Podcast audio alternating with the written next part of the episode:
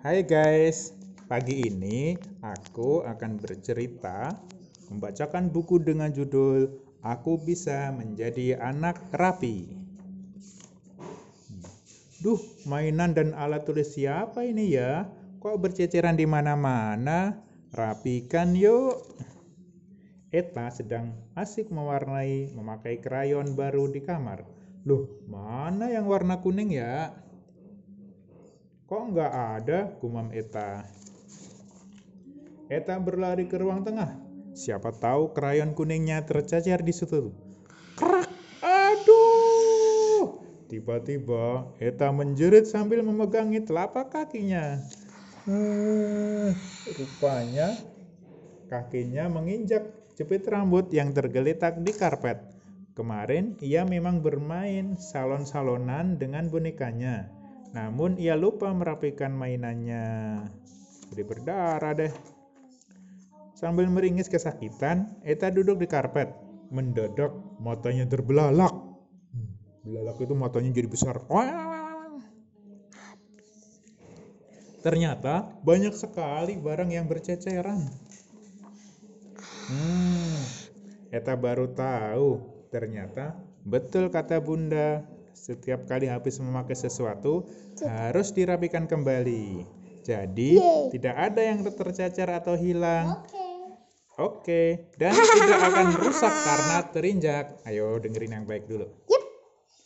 Aku bereskan ah, ucap Eta. Lalu ah. ia mengumpulkan semuanya. Ada yang di kolong meja, di balik sofa, di atas televisi. Namun krayon yang dicarinya tetap tidak ada. Uh, di mana sih gerutu Eta? Bunda, bunda, lihat krayon Eta yang warna kuning nggak? Tanya Eta. Wah, enggak tuh. Coba diingat-ingat terakhir Eta pakai kapan dan di mana?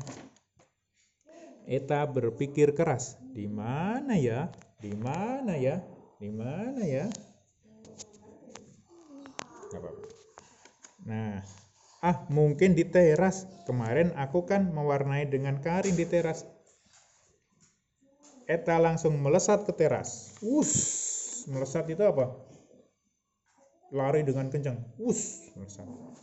Betul saja, krayon Eta terselip di antara pot tanaman. Ya amprot, ya amprot, ya ampun. Sejak itu, Eta selalu ingat untuk merapikan semua yang ia pakai.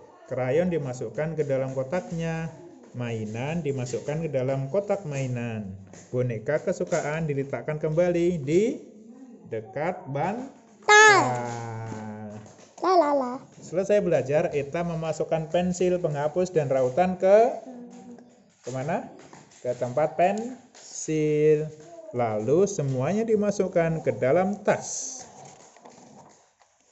Buku cerita dirapikan di rak buku. Sepatu dan kaos kaki diletakkan di rak sepatu.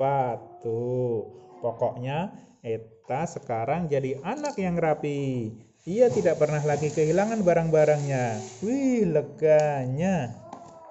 Nah, jadi anak rapi itu mudah kan? Coba lihat gambar berikut ini.